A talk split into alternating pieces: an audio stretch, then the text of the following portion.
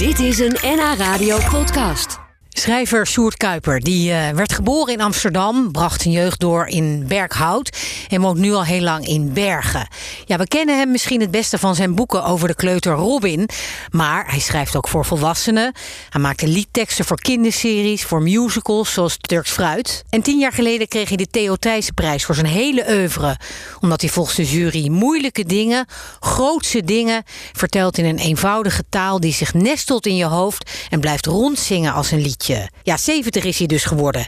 En is het eigenlijk zo dat een schrijver beter wordt naarmate die ouder wordt? Net als bij voetballers bijvoorbeeld, waarvan ze zeggen je moet minstens 10.000 uur hebben geoefend. Hoe zit dat bij hem? Dat is een goede vraag. Daar heb ik nog niet over nagedacht. en dat mogen jullie beoordelen. Maar ik, eh, ik kan, weet wel dat het op één manier makkelijker gaat. Je weet als je een zin geschreven hebt of hij goed is of niet. En daar moest je vroeger nog heel lang naar kijken. En aan de andere kant is het dat je concentratie, als je ouder wordt, nu we het er toch over hebben, dat je concentratie minder wordt en je, je, je ehm, doorzettingsvermogen. Dus wat dat betreft wordt het uh, allemaal wat kleiner, wat smaller, wat uh, beperkter eigenlijk dan vroeger. Dat uitbundige schrijven dat is er een beetje af. Ja. Over klein en smal gesproken. Jouw nieuwe boek is zwaar en, uh, in, in, indrukwekkend. En dik. Dat lijkt wel een soort... 2,2 kilo. Ja. Zo, een boek van Sinterklaas. is heel mooi uitgegeven. Mooie kleur rood. Robin, alle verhalen. Ja. Uh, hoe trots ben je als je zo het boek uh, ziet? Nou, hier, hier ben ik ongehoord trots op. Het is een bundeling van, van 9 à 10 boeken die ik eerder heb geschreven. Vanaf 1990 zeg maar, ben ik ermee begonnen met de avonturen van dat jongetje Robin op te schrijven. Uh, die tien boeken zijn verschenen met uh, wisselend succes. Sommige met zeer groot, andere met wat minder. En het was altijd al een jaar of vijf, zes mijn diepste wens, op schrijfgebied althans, om die allemaal een keer in een bundel te krijgen. En dat is nu gelukt. En dat die dan ook nog zo fantastisch mooi en uh, verzorgd en, en ja, beeldschoon, zal ik maar zeggen, uitgegeven zou worden. Dat wist ik niet. En dan ben je ontroerd en dan ben je blij. Je zei net al, ik ben eigenlijk ontroerd. Kun je eens vertellen waar die ontroering dan zit? Als ah, je met een paar dingen mee te maken. met, je hebt heel hard gewerkt in je leven. Je hebt bepaalde resultaten. En, en dit is dan ook nog eens een, een kroon op die resultaten. Maar wat me ook ontroert is uh, dat die verhalen van Robin... In, in hoge mate autobiografisch zijn. Ze gaan eigenlijk over het jongetje dat ik was 65 jaar geleden in het dorpje Berkhout bij Horen. En uh, toen ik de proeven doornam, toen uh, kreeg ik.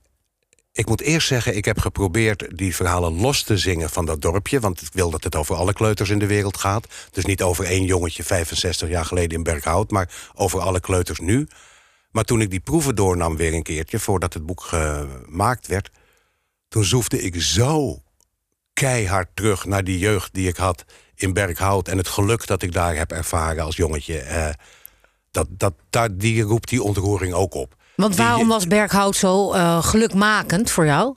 Dat was gelukmakend door uh, de periode van mijn leven die ik er doorbracht. Want ik denk als ik veertien was geweest en ik had er nog gewoond dat ik het net zo'n stom dorp had gevonden als het dorp waarin ik woon, wel woonde toen ik 14 was. Want zo werkt het gewoon. Het is een mooie afgesloten periode. Ik woonde er van mijn tweede tot mijn negende. En dat is een tijd waarin kinderen nog niet te veel over de wereld nadenken en, en spelen en blij en gelukkig zijn als ze geluk hebben. Die periode heb ik in Berkhout doorgemaakt. Dus is dat het paradijs van mijn jeugd. Het paradijs van jouw jeugd. Ja, mooi. Uh, als ik het boek eh, doorblader, in het begin uh, vertel je over toen Robin ontstond, 1990. Ja. Um, dan vragen jouw kinderen aan jou, die waren volgens mij vijf, vier en zes, van uh, pap, was jij vroeger net zo'n leuk jongetje of net zo'n leuk kind als wij nu zijn? En toen antwoordde jij: nee, veel, veel leuker. Veel leuker, precies, ja. ja. En, en dat heb ik moeten bezuren. hoe, hoe, heb je dat moeten bezuren dan? Nee, nee, toen van hoe dan, hoe dan, hoe dan? En toen moest ik voortdurend vertellen dit en dat en dat en dat. Tot ik merkte dat ze er zo'n ontzettend plezier om hadden. Dat ik dacht, nou tot nu toe heb ik eigenlijk alles wat ik schreef gefantaseerd. Sprookjesachtige dingen en, en, en, en bizarre dingen. Uh, laat ik eens proberen om heel simpel zo'n zo'n echt gebeurd verhaaltje op te schrijven en kijken hoe dat uitpakt. En dat is het begin geweest van die hele serie boeken over Robin. Dus ik ben ze intens dankbaar voor hun stimulans daarin. Ik zei al over uh, die Theo Thijssen prijs... Dat, dat toen werd gezegd dat jij grootste dingen... eigenlijk in eenvoudige taal kan vertellen. En dat nestelt zich dan als een soort liedje in je hoofd.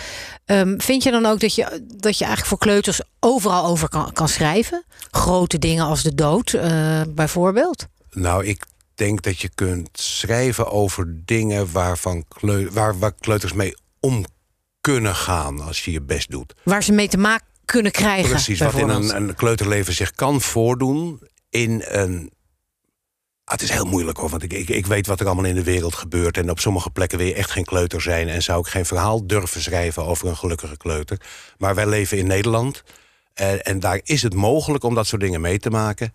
Uh, met geluk bedoel ik. Maar uh, er gaan mensen dood. Dan gaan konijnen dood. Dan gaan cavia's dood. De dood is eigenlijk allemaal aanwezig. Dan gaan vlinders dood. Uh, dus daar kun je over schrijven. Uh, er wordt zelfs over uh, vrijen en seks geschreven in het boek. Dat kunnen kinderen ook meemaken. In de eerste plaats uh, horen ze alle woorden die ze niet mogen horen, toch. En dus, ook al denk je van niet, ja. Dus kun je maar beter erover praten en, en uitleggen wat het betekent voor ze rare ideeën krijgen.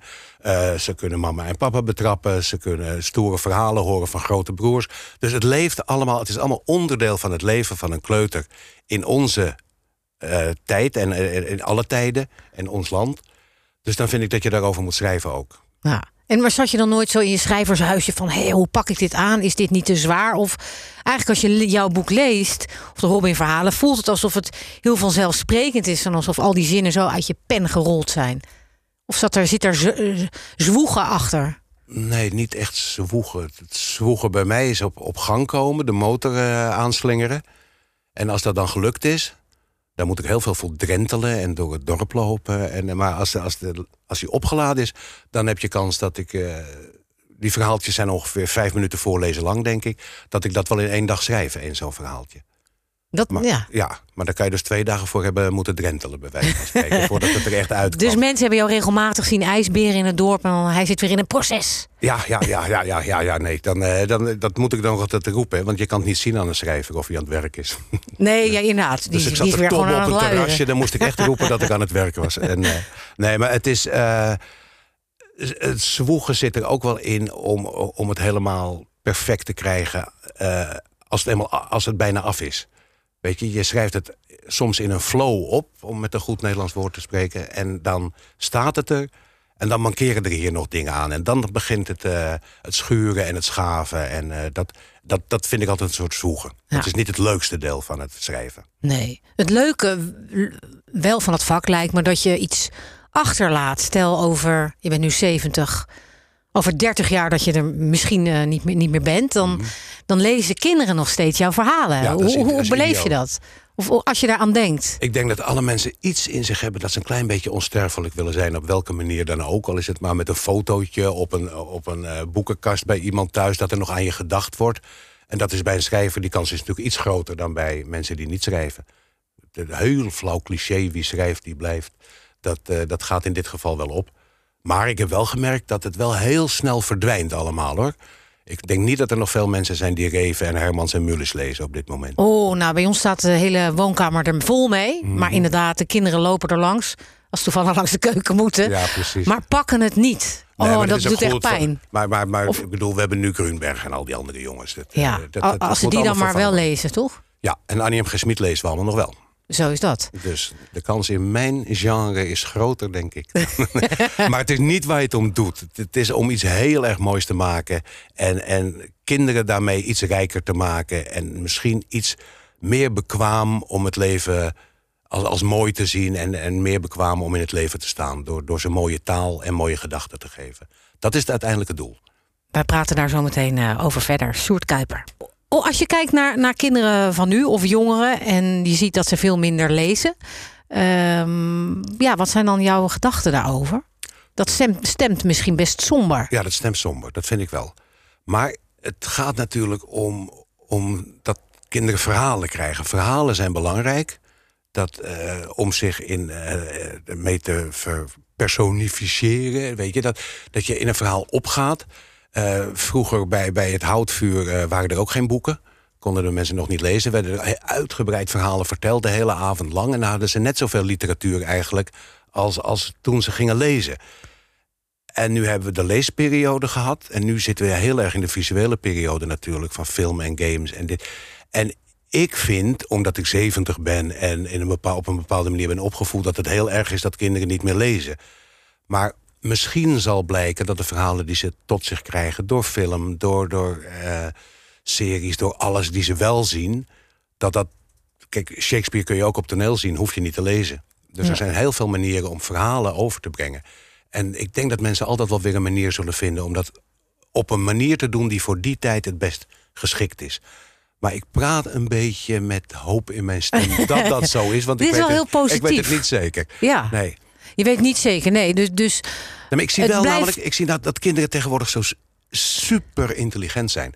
Zoveel grotere woordenschat hebben dan, dan wij vroeger. En dat komt dan toch allemaal aanwaaien uit andere media die, die ik niet meer eh, tot mijn beschikking heb. nee. Wat, wat, wat zijn dan zo leuke, geestige, intelligente opmerkingen van jouw kleinkinderen bijvoorbeeld? Of, of schiet je dat niet meteen eh, te binnen? Nee, dat, dat, schiet me nu natuurlijk niet te binnen. Maar ehm, Maar, maar zij zijn sowieso een inspiratiebron voor jouw vak en Nou, voor het leven? voor het vak en voor het leven. Maar je kunt wel zien in, in het boek over Van Robin bijvoorbeeld. Daar, eh, dat zijn gebeurtenissen die, met mij, die mij overkomen zijn. Die ik heb meegemaakt vroeger. Maar de dialogen die erin staan. En die heel geestig zijn vaak. Die zijn bijna allemaal afkomstig van mijn kinderen toen ze klein waren. Ze zijn nu bijna 36 en 38. Maar in die tijd dat ik het schreef. Waren ze inderdaad, je zei het net, 4 en 6. En hadden ze echt juweeltjes van uitspraken. Die ik zo kon opnemen in het boek. Dus Ja. dat, dat, daar kun je zien hoe slim zij al waren in vergelijking met mij vroeger. En kan je nagaan hoe die kinderen van nu. eh, ja, ze, ze, hebben iets, ze hebben iets heel bijzonders, kinderen van nu. Die kleintjes die ik om me heen zie, mijn kleinkinderen. Ja. We hadden het net al over dat je ook eh, zware onderwerpen niet schuwt als, eh, als bijvoorbeeld de dood. Maar welke hele vrolijke eh, gebeurtenissen komen er voor in het boek, de, boek, de verhalen van Robin?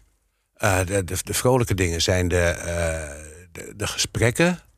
zijn heel vrolijke gesprekken. De verhalen die de opa en de vader vertellen. Ik eh, ben eh, opgegroeid met een vader die heel goed kon vertellen. En een opa die vroeger had gevaren als matroos... en daar heel spannend over kon vertellen. En ook duidelijke zeemanstaal sprak. Eh, hij- alles werd duizend keer uitvergroot, zodat het heel spannend werd. Mijn vader las nooit voor, maar die zei altijd... iedere avond bij het slapen gaan van... waar moet het verhaaltje vandaag over gaan? Ah, kijk. En dan kon ik zeggen een baksteen of een dakpan of een, een eikel. Dat maakte niet uit. En, en dan begon die. En dan begon die. En in mijn herinnering was het allemaal fantastisch. Had één figuur die, eh, die altijd voorkwam. Dat was de onderwaterkabouter. En het is zo jammer dat we geen bandrecorder onder ons bed hebben hadden staan. Ik had ze zo graag nog gehoord. Want volgens, ja, in mijn herinnering waren ze fantastisch. Ja. Tot, Dus die, die, mondelinge, die mondelinge stimulans heb ik gehad bij het schrijven. tot slot, eh, de tijd gaat eh, veel te snel. Ja, jouw eigen kinderen he- hebben die rol wel overgenomen van het vertellen en eh, de verhalen. Ze, ze zijn niet in. eh, mijn dochter heeft bij heel veel uitgeverijen gewerkt, dus ze zit wel in het boekenvak. Maar ze zijn niet aan het schrijven geslagen. Behalve wat probeersels eh, op hun dertiende, als dat echt een hartekreet, als dat moet. Maar nee, dat niet. Nee, dat, is, eh, dat moet ik op de volgende generatie wachten. Een van de kleinkinderen misschien. Ja, dat bedoel ik. Ja, ja, ja dat, eh, dat gaat ongetwijfeld lukken. Nou, we gaan zien of er een klein kuipertje opstaat op een gegeven moment. Maar in ieder geval, Sjoerd Kuiper, eh, vond ik het heel fijn dat je er bent. En dat prachtige boek Robin, dat hele verzamelwerk... dat is het, het kopen en het lezen meer dan waard. En je kan ons dus appen of mailen. lunchroom.nhradio.nl waarom jij heel erg graag dat boek zou willen hebben. Ik denk dat je gewoon snel weer een keer terug moet komen. Wat denk je daarvan? Ik, eh, ik kom morgen. Want eh, morgen... maar morgen hebben we alweer een andere schrijver. het is goed. Maar goed, als hij niet om komt opdagen, dan, eh, Ja, het is dan ben Nee, ik nee, ik vond het heel gezellig. Ik, vond het fijn. ik vind het ook heel fijn om over dit boek te mogen praten. Omdat, zoals ik al zei, het ontroert me en het, het maakt me blij. Dus daar praat ik met plezier over. Ja, dankjewel, Sjoerd Kuiper. Dit was een NH Radio podcast. Voor meer, ga naar nhradio.nl. Radio.